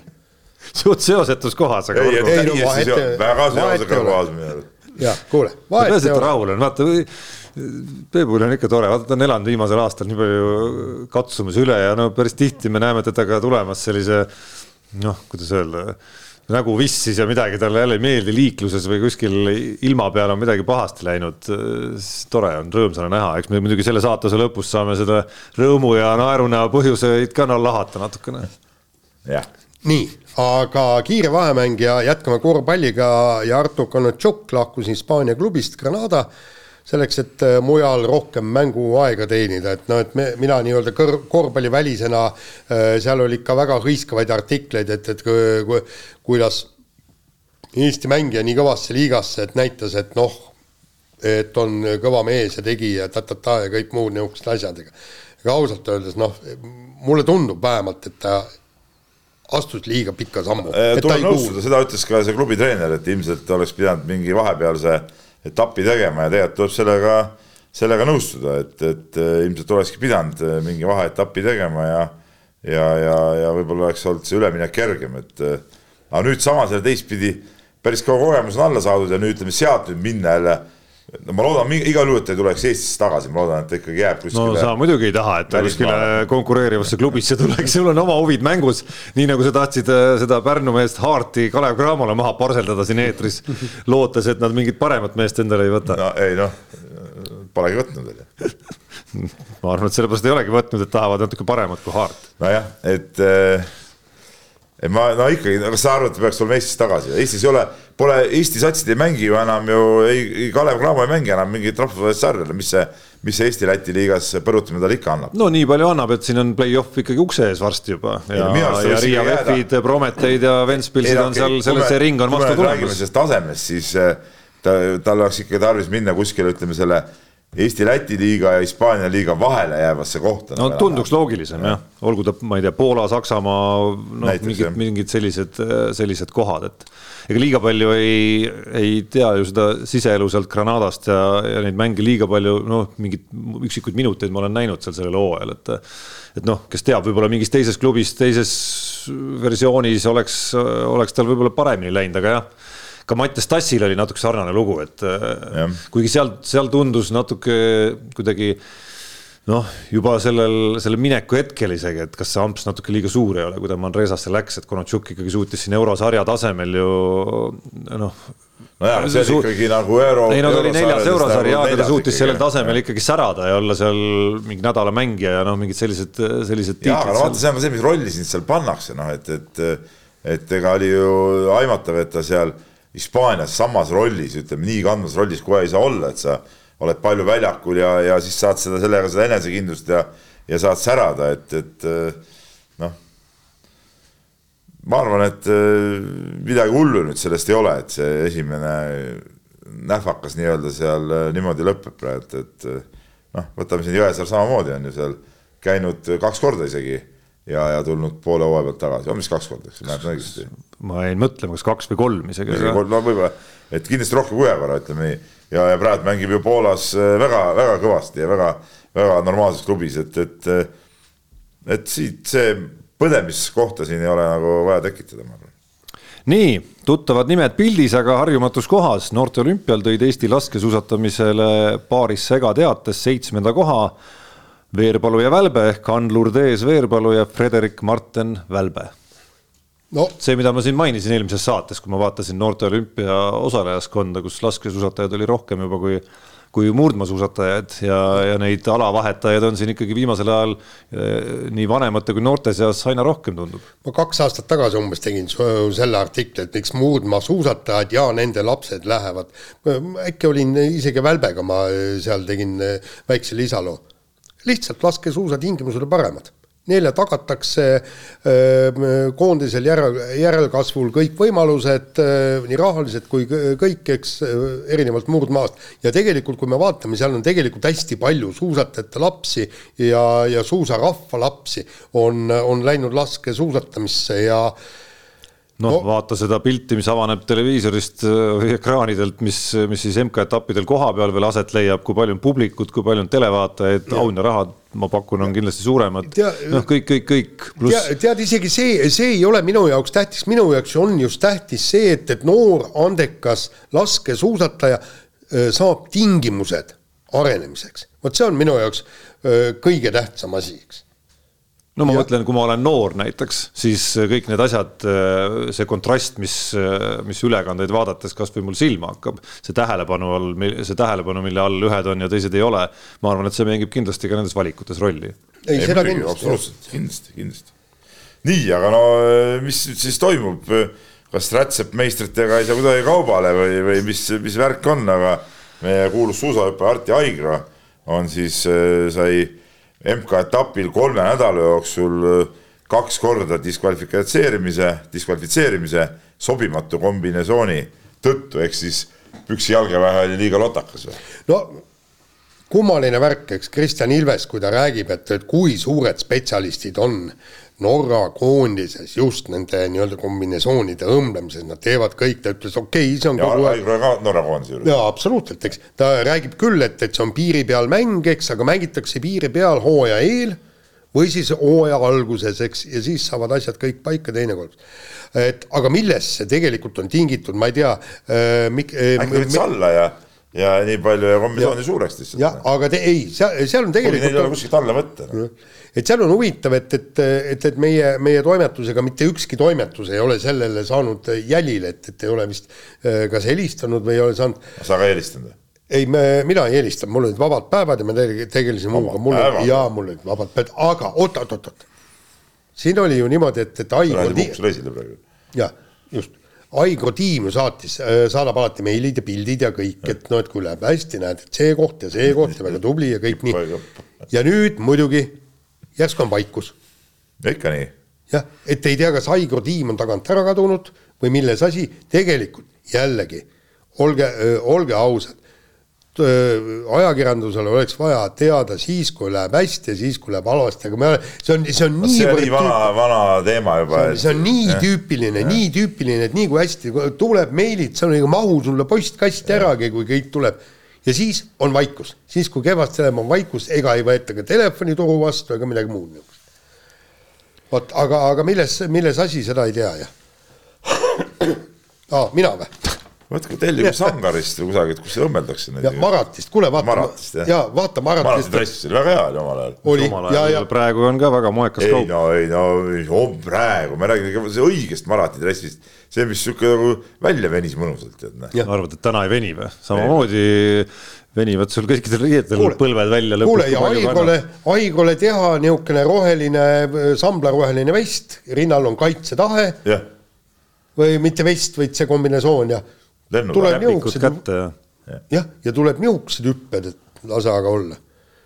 alles äh, septembris Ungari klubiga Uspest liit- äh, lepingu sõlminud Oliver Jür-, Jürgens on nüüd testimisel tagasi, jalgpallur, teatavasti äh, suur öö, andekas, andekas poiss. Ja nüüd on juba Slovakkias ja, ja kohe esimeses nii-öelda kontrollmängus või sõprusmängus, mis iganes, lõi, lõi kohe kenasti ka vä- värava, et, et ühesõnaga te, tema karjäär kulgeb ääretult keeruliselt, sest ta oli ju kuskil Itaalias, temast arvati palju ja vaata see, et, et miks ta Eesti koondises ja noortekoondises mänginud, sellepärast et ta pühendub klubi karjäärile kõik niimoodi, et et, et praegu, praegu on need asjalood ääretult segased, et nojaa, aga kas äh, teile ei tundu, et üldse Eesti jalgpallurid minu arust äh, äh, siksivad seal välismaal erinevate klubide vahel niimoodi, et äh, ma ei tea, kas üldse keegi suudab sellele järge pidada, kus keegi parajasti on. ei, ei suuda. Ja no eks see ühest küljest näitab, kui raske see olelusvõitlus Ei, seal maailmas ongi, veel eriti jah, on, võidelda seal äh, kahesaja, kahesaja maailma riigi eks see kahjuks natuke näitab meie meeste taset. no, kindlasti jah, aga no mis Oliver Jürgensit konkreetselt veel puudutab, noh siis seal seda kuidagi sellist tõmblemist paistab rohkem kui, kui võib-olla keskmiselt mujal teiste meeste juures, aga noh, liiga palju muidugi ei tea aga sellest. me ei tea, mis seal Ungaris öeldigi, et otsi endale uus klubi ja ongi kõik, eks ole, no ega siis äh, nii, nii need asjad käivad, kui, kui välja ei tule, ega Ungari ei ole mingi naljakoht päris. Absoluutselt mitte, ei no täitsa korralik koht ma ikka. räägin, noh. ja, ja, ja tegelikult no vaata kogu selle tõmblemise juures mul on kogu aeg meeles see, see äh, Ragnar Klavani öö, nii-öelda astmeid mööda minek, kust ta alustas, oli vist Norra, siis oli Holland, siis oli Saksamaa, siis oli Liverpool, et, et, et ei olnud niimoodi, et kohe põmm, paneme Saksamaale, hakkame seal laamendama ja la, lammutama, eks. No Jürgens sai lihtsalt ka noorte, noorte satsi välismaale alguses no.. jaa, aga saad aru, eks eh, see Klaaveni tase on nõksa ilmselt kõrgem kui meie praeguste jalgpallurite tase, et, et ta suutis kanda kinnitada kõigepealt ühes kohas, teises kohas ja iga kord aste kõrgemale. et nii tuleb minna, ei ole vaja tõesti võib-olla, kui sul on öö, Ungari on sulle liiga suur amps, nagu Kontšukile oli Hispaania suur amps, et tegelikult tuleb hästi mõistlikult astuda, ei ole mingit, mingit probleemi. Lähed Soome, lööd seal platsi puhtaks, sa poole aasta pärast oled juba järgmises kohas, kui sa oled hea mängija noh, teine pool on siiski ka, et, et mingitel aegadel tuleb, noh, siin me räägime nüüd väga hüpoteetiliselt, sest ega asjaosalised vist ei ole kuskil kommenteerinud täpselt, et mis see seis seal siis on. Ja mul on tunne, et siin mitmes jalgpalli podcastiski on nagu küsimärke õhku visatud, et keegi liiga täpselt ei tea, et mis see lugu seal taga on, aga aga noh, teisest küljest tuleb ikkagi mingites olukordades natukene kannatada ka neid raskeid hetki ja raskeid aegu siis, et et ma siin olen Peepsu saadet korra juba tsiteerinud, aga äh, kuna ma siin eelmise nädala lõpus natuke järelkuulamist tegin ja muuhulgas kuulasin ka Tarmo Kingi episoodi, noh siis mis resümee ta tegi, ka temal oli sellist hüplikust omajagu seal, tõsi, mööda tippklubi või no niisugust nagu meeste tasemel juba nagu korralikke klubisid seal, eks ole, Inglismaal ja, ja Ungaris ja, ja kus ta kõik käis, on ju, aga noh, tagantjärele tarkusena tunnistas ikkagi saate kuskil lõpupool ka, et, et oleks pidanud natukene nagu kannatlikum ja püsivam olema ikkagi nende, nende otsuste juures, mida ta karjääri jooksul tegi, eriti noore, noore jalgpallurina. jah, nii on. saate selle osa lõpetuseks tuleme Peebu personaalküsimuse juurde, oi kui muhe naer tuleb juba näole. no ütle Peep ausalt, mis tunne siis on sulgeda kõik need kahtlejate suud, oleme siin kuulnud jälle eelmise nädala alguses Äh, korvpalliekspertidelt, milline agoonia Keilat ootab ees äh, äh, koormusel ja graafikul, mis käib teile üle jõu. ja nüüd ikkagi saite noh, ütleme peaaegu võidu kätte Poolas, kolakat ei saanud igatahes, lisaajal kaotasite.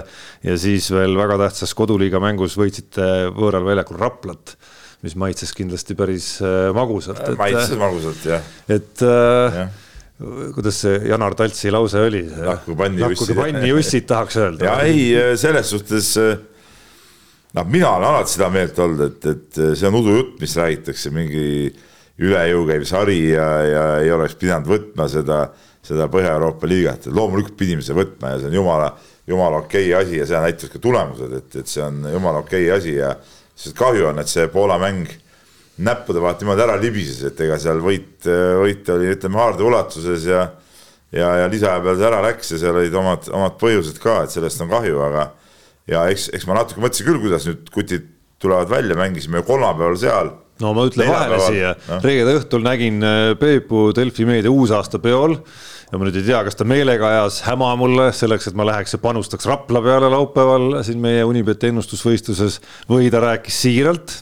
Igatahes jutt käis küll, kuidas mehed on täitsa nagu jalad on pehmed ja mast on maas umbes ja ei, kõik, on, ja kõik on väsinud ja, ja ei. tea, mis sealt Rapla mängust mast tuleb. maas ma kindlasti ei okay, ütle, ma rääkisin, jalad olid tõesti, ma tahtsin ka rääkida, sest me kolmapäeval mängisime, neljapäeval terve päeva praktiliselt lendasime tagasi, reisisime tagasi. Seal oli ju pikk bussisõit kõigepealt Silona Koorast Berliini, Berliinist Helsingisse, Helsingist Tallinnasse. ja, ja siis, kui tegime reedel samal päeval trenni, kui ma pärast tulin ka korraks külastasin siis uusaastapidu.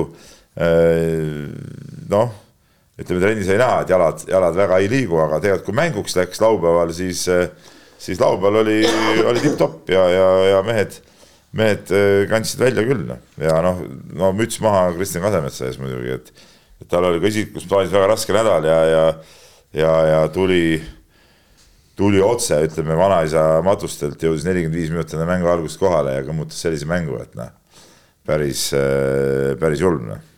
oota, kas mängijatel oleks olnud ka lubatud äh, ütleme sarnasel moel eelmisel õhtul äh, prass, prassida või? ei, ma ei prassinud, sa nägid, ma olin väga tagasihoidlik.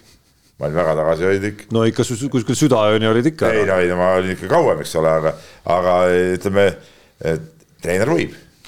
treener võib, treener peab tundma, kaua veel ütleme, mõistus püsib nagu teravana seal on õige segu, ma saatsin sõnumi ka, et eelmine õhtu oli õige segu, noh, see on ju vana. mis segu, sa jäid õlut lihtsalt? ei, ei, seal siiski äh, olid ka veinid. aa, võtsid selle ummi kokteili ka lõpuks? sai tehtud äh, siiski ka sporditoimetusega võib-olla paar terava äh, šoti ringi, et aga ei, kõik oli nagu hästi, et segu oli selles suhtes nagu õige. ja, ja saad aru, eks, et treeneri töö on eelkõige vaimne. jah ja, ja kõva ketast tuli. oli vaja natuke tahtis jah niimoodi. see oli ikkagi nagu kõik metoodiline põhimõtteliselt. metoodiline. teadlik metoodiline ta, treeneri tarkus. ütleme omal ajal, kui sai noorteturniiridel käidud ja seal Eiblitel ja seal läheb siuke asi nagu treeneri bankett, eks ju, see oli kõige tähtsam asi. see oli pärast. mis pärast? See oli juba enne või? ei no see tavaliselt turniirid käivad kolm päeva, reede, laupäev, pühapäev. üldjuhul see on reede õhtul loomulikult, et mõnikord, mõnikord on ka laupäeva õhtul veel, teine ka aga ütleme siis seal alati ka väga oluline oli see, et mis, eh, kas oli õige segu klaasi valatud, kas kogused olid õiged ja üldjuhul oli nii, et need, kes seal ütleme, niisugust kuivtolmu nagu harrastasid, ehk et ei, ei niisutanud, nendel eriti hästi ei läinud ja kes siis õige segu pealt panid, nendel läks tavaliselt edaspidi ka väga hästi no.. ja see on elutõde aasta treeneri tiitli suunas mees on teel ah, ikkagi ah,. kuule, mõte tuli, vaata, praegu on igasuguseid eneseabi õpikuid, värki-särki, kõik nii. Peep võiks kirjutada ka, no niisugune, no ma pakun välja kakssada viiskümmend lehekülge. abiõpik. abiõpik, eks, et kuidas kasutada õige segu, kuidas on õige kogus, kõik värgid-särgid on ju, eks, et. vot see on nagu säärekale, vaata, kui tegid bensu ja õliga pidid selle, see õige vahekorra leidma, et, et kui kui näiteks ei olnud nagu õiges vahekorras, siis nagu hästi ei tahtnud käia, tead säärekast. ja, ja kusjuures tegelikult tuleks teine osa ka teha, et äh, sportlasele, et temal muidugi mitte enne võistlust, aga noh, niisugune ütleme nädalalõpud no, ja pärast ja, rasket treeningut. on, on hetked, kui on lubatud. ja ma ei pane kätt ette meestele mitte mingil juhul. no ja, ja siit saaks ju tegelikult ammutada äh, kadunud äh, Äh, Tamme raamatust üht-teist, äh, Jaan Taltsi raamatutest, seal oli ju äh,. no seal nad Taltsist, kas see oli, et panid ju konjakit enne võistlust väikse siukse sutsaka sisse. ja ei, aga seal oli see, et, et kuidas nad Aleksejeviga. ja, aga, aga oli, aga oli see vaata mingi väike pits konjakit, eks, mõnikord enne võistlust. Jah, et, et, et ausalt öeldes sa saaksid ei no ma jäin siin ka vaatama, et siin ikkagi Eestis õiged staarid on ikkagi enne kolmekümnendat eluaastat oma esimese eluloo-raamatu vähemalt välja andnud, siin Ott Lepland oli kakskümmend kolm ja Brigitte Susanna Unt kakskümmend seitse, et kuidagi väga kaua, kuidagi väga ole kaua oleme pidanud ootama. aga ma ei ole mingi kergkaalu staar, ma olen ikka raske kahur. no see tähendab, et seitseteist oleks võinud väljas olla. vastupidi, vastupidi seitsekümmend seitse. kuule, löö sisse Apollovi Eesti äh, see äh, rahvaraamat ja vaata, kui palju on eneseabi ja igasuguseid neid õpikuid eluloo raamat on siis hiljem kuskil, ma kujutan ette. põhimõtteliselt saaks lükata, ma võin, ma ei taha neid maha lükata, aga noh, siit, siit võiks nagu lihtsalt need raamatupoes võiks lihtsalt minna, lükata need kõik ära. ja siis tuleks minu. ja kõva. siis paneks lihtsalt nagu, Peebu selle tiraaži sinna kõrvale. ei, nagu see eh, Lenini eh, need eh, valitud teosed näiteks, eks ole, samasugune see Peep Vahvi valitud teosed, terve riiul, noh ei, aga ma... vaata see artiklite kogumikud näiteks, eks ole, noh, kuule mul on aasta, mul on elu jooksul, ma arvan, tuhandeid artikleid ju sealt saaks päris kõvad raamatud saaks kokku. nii, aga. häid mõtteid tuleb tead noh, ja siis ühtlasi vaata nagu tehti omal ajal see Urmas Oti, ma ise töötasin Serje Endre kirjastuses, tegime neid Urmas Oti raamatuid, mis koosnesid sellest, et võeti Urmas Oti telesaade, kirjutati need no, raamatusse ümber. siit Mehed ei nuta ajaloo. mehed ei nuta, siis mul on see, eks ole, ajahüpped, sealt juba need intervjuud kõik ümber kirjutada no ma arvan, siin isegi ühest riiulist ei, ei piisa nagu, et, et, et see kõik ära täita. ja ma ei peagi enam tööd tegema, ainult need teosed. autoritasud nagu, tulevad. autoritasud, lähevad nagu soojad saiad, noh ja ongi kõik, tead noh. erinevad Jaanis, kes, kes ütleme valega, eks ole, ühe raamatu sai kuidagi valmis, tead noh. mis valega? noh, see oli see, mis ei, valetas seal raamatus ju. ei valetanud. kuidas ei? ei ole molekule. kuidas ei ole, olid ju? ei olnud. no vot, noh nii, laseme kõlli. Unibetis saab tasuta vaadata aastas enam kui viiekümne tuhande mängu otseülekannet. seda isegi mobiilis ja tahvelarvutis. Unibet, mängijatelt mängijatele. tundub, et Peep ka enne, enne meie tänase saate salvestust on õige segu igatahes sisse võtnud, et no midagi ta kommitses seal oma uhkes uues autos seal, kui me Jaaniga toimetusest jalutasime siia, siia kõrvalmajja stuudiosse. ja noh, nüüd on selge siis, et, et seal käis äh,, ei, võib-olla rääkisid telefoniga ka, see ei ole lihtsalt antud. ma ütlen, aga ma rääkisin Reinar Allikuga parajasti.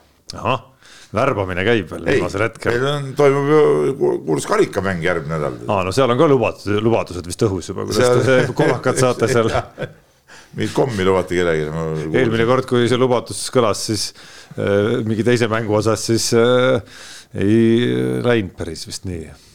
nüüd käib Andres sõbras siis jah, et kõik aru saaks. tervist Andresele ka, Andres on ka meie püsikuulaja ja, ja ka tore mees tegelikult, tore mees. nii, aga meie Unibeti ennustusvõistlus on nüüd äh, vaikselt saamas hoogu sisse ma pean küll ütlema, et äh, mul ei ole resultaati ette näidata. Selles mõttes, et täna õhtul on äh, paar kossumängu, mille ma kohusetundest ikkagi oma esimese panuse läksin ja panin, et, et järgmises saates saame siis tulemustest rääkida ka ja no ma pean kõigepealt nulli endal mängima. kolmesaja peale siiski. või tähendab kolmesaja peale jah et.... nulli võid ka mängida muidugi. aga võid küll jah no, ei, aga ma vaatasin, põhiline see, et Tšehhoslovakkia pingpongi liiga käib jätkuvalt ja, ja, ja läheb, läheb seal panustamiseks, kõvemaks panustamiseks. ma mõtlesin, et vaata, ma ütlesin enne saadet, et, et, et see mingi mäng käib, onju, ja siis ma otsisin välja ka ka selle mehe, kes seal parajasti mängis, ma ei saa näita sulle, see, see on nii väike pilt, aga tõeline, tõeline vanamees mängis, mängis.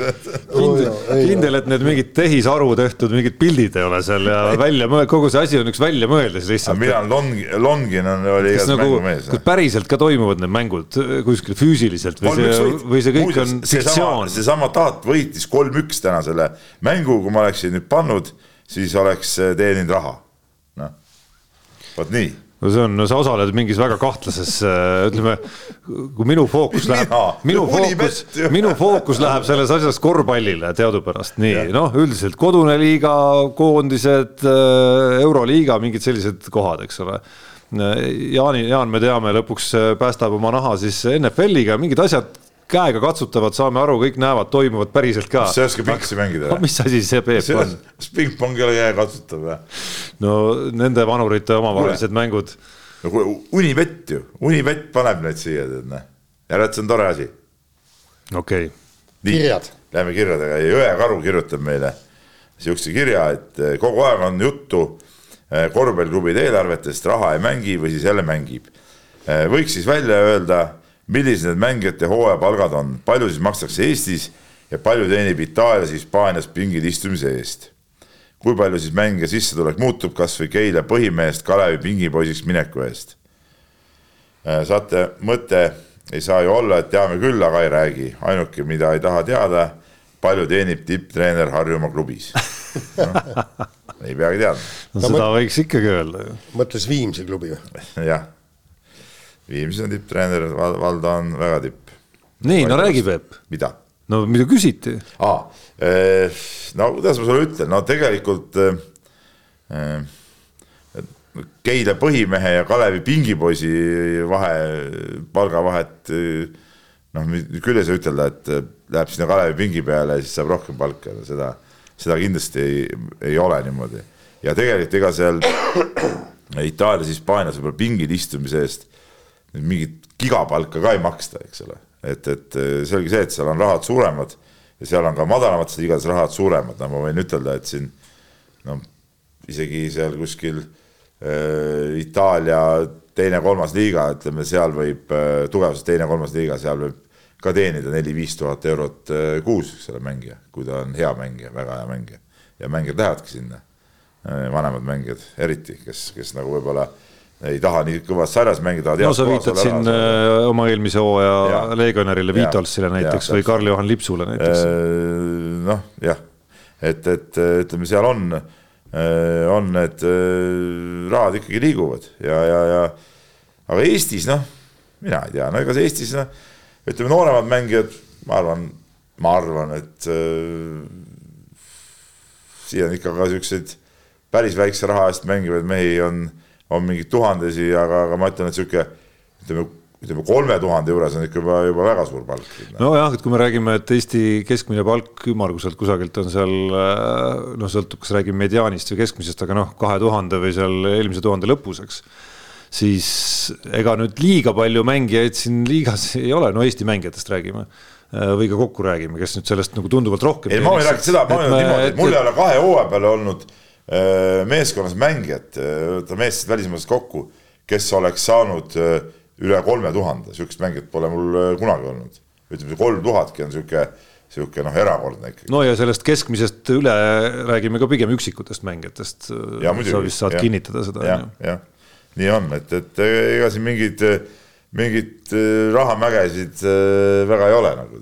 ja aga ammu juba öeldi ju, see, see on nii jalgpallis äh, on öeldud kui ka korvpallis, et, et Eesti ei ole raha teenimise koht. Eesti on kuigi, aga tegemist on professionaalsete liigadega, nad peavad saama ikka nii palju raha, et ära elada, ehk siis siukse tavalise, tavalise tööinimese palga peavad ikkagi nagu kätte saama, noh. ja ei, seda küll, aga, aga ütleme korvpalli mõistes või jalgpalli mõistes Ei, ei, teenita jah. siin raha, vaid siin valmistatakse ennast ette raha ja, aga teenimiseks. kui sa lähed näiteks siit kuskile noh, siuksesse noh, kesk, keskpärasesse Euroopa liigasse või isegi alla selle, noh, et lähen nagu välismaale, ega sul seal mingis suvalises kohas see palganumber nüüd äh, suurem ka ei, ei, ega seal vot sa valmistad ikkagi lõppkokkuvõttes ette, sa pead minema nagu Ragnar Klavani karjäär. no ütleme, kui Kalev Cramo tahaks Artur Kontšuki praegu tagasi tuua, noh siis äh, sellest kolme tuhandest, millest sa siin mainisid, ilmselgelt ei piisaks jällegi. kui me Äh, räägime jaa, no Eesti koondise kui me Eesti koondise ja põhitegijast juba räägime. ikkagi läks sinna ikkagi suhteliselt normaalse diili peale, noh, jah. nii on. oota, kuidas seal treeneriga oli siis, küsijat ei huvitanud küll, aga meid, meid Jaaniga küll huvitab. Teid võib palju huvitada. ei no mis see, tal on ju palk väga täpselt, kui palju maksab see kulti-, kultuuriministeerium peale mingi alla seitsmesaja euro ja klubi peab teist sama palju panema, ei no eks ju. see, see saab olla siis, kui sul on äh, noorte, noored mängijad, jah.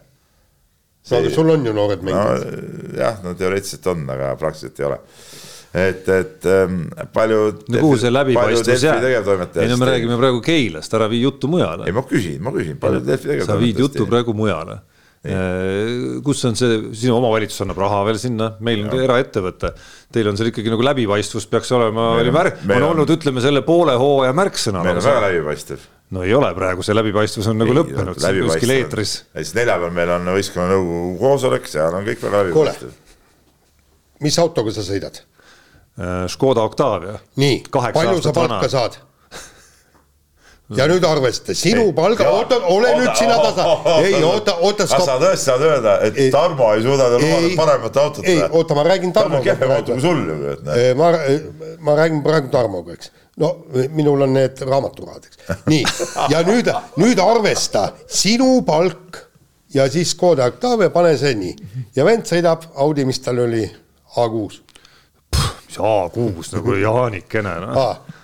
seal võib hoopis teine täht ja hoopis teine number on Ah, no okei okay. noh, vahet ei ole nii, ja, ja vaata, tähendab, ühesõnaga palju see äh, Peebu auto on, umbes neli korda oi-oi-oi, rohkem, rohkem, ma arvan, et see vahe on kümnekordne ikkagi. see- no selle minu auto hetkeväärtus ja sinu auto hetkeväärtus. ei ole ilmselt kümnekordne. no kuus vähem. kuule, Ei, mis aasta okei. sa, sa oled muidu sada aastat sõitnud juba no. kaheksa aastat vana, ah, no nii, Tarmo, see on see kaheksa korda vähem. utiliseerimisväärtus on.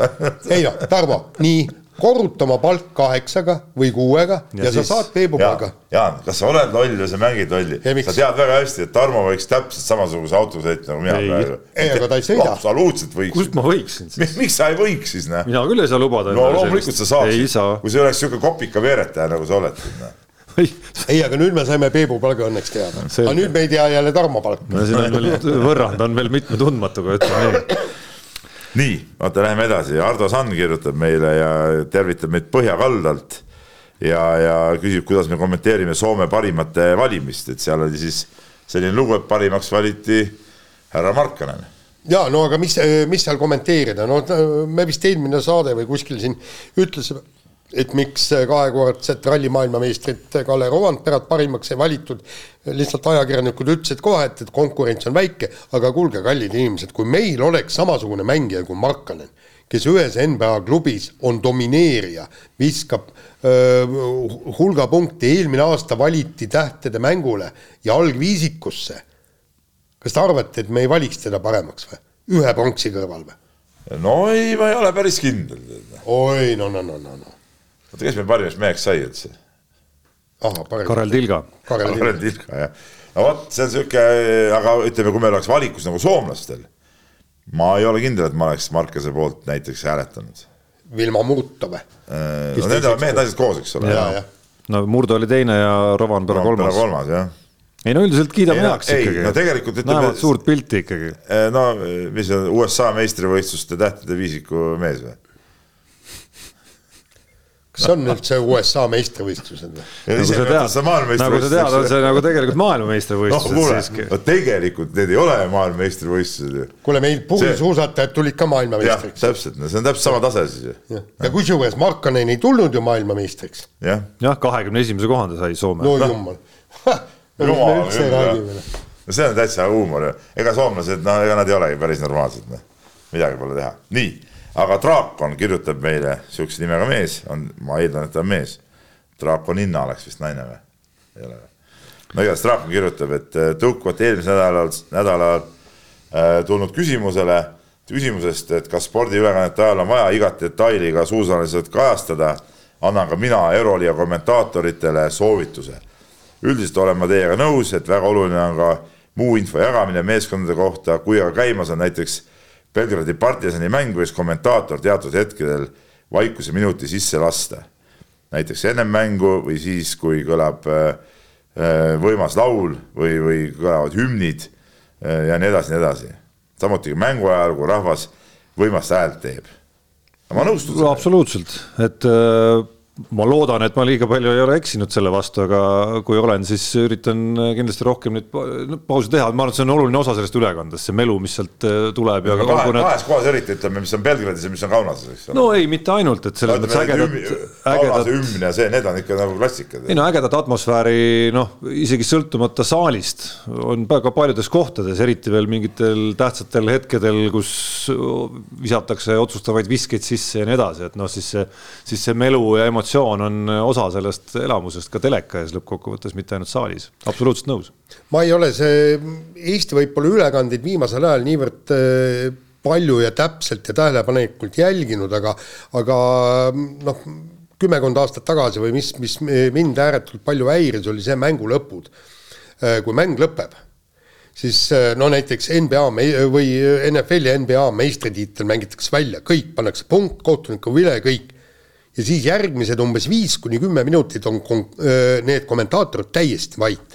Ja kaamerad ainult näitavad kõike selle pidustust ja, ja kõike muud, sest sinna ei ole vaja mitte midagi rääkida. jah, sellega ma nõus. ja, ja, ja, ja mis mind häirib, on siis hakatakse peale rääkima seda juttu, no näiteks Djokovic võidab, lase olla, lase kuulata seda rahva melu ja, ja kõike, kõike muud seda ja, ja vaata tema emo, emotsioone ja kõike seda no isegi äh, me räägime vaikusest muidugi, mitte ägedast möllust, aga kasvõi äh, kõige värskem saate salvestamise kontekstis siis äh, eilne elamus teleka ajast, seesama Tuuli Toominga viiest viis möödalasku, et ütleme, et see, see vaikus, mis tabas eetrit pikk mõttepaus, mis tabas eetrit Tarmo Tiisleri ja Margus Aderi esituses ja siis üks ohe ja et siin ei olegi midagi öelda, ütles üks neist.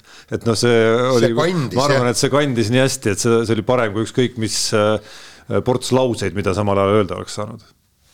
nii on, aga ma ei tea, me oleme hästi kaua juba eetris olnud, et tõmbame nüüd otsad kokku. tõmbame otsad kokku ja kuulake meid siis. ja, ja oota, igaks juhuks, no loodame, et Peep saad Raimondilt kätte oma selle oma kutse ka ikkagi, et, et saad oma plaane sättida, ma arvan, ümber ja. küll ja noh, sul on ikkagi viisijupp on ka juba nagu ikka. täitsa olemas ikkagi. no laula veel. laula, harju, et, et harju. ei, ei, las ta nüüd olla. vähemalt ei, siin eetris sa ei pea, sa tegid ära selle ja. juba, aga vähemalt endamisi lihvi seda ikkagi edasi lootuses, lootuses, et see kutse tuleb. mehed ei nuta. saate tõi sinuni Unibet, mängijatelt mängijatele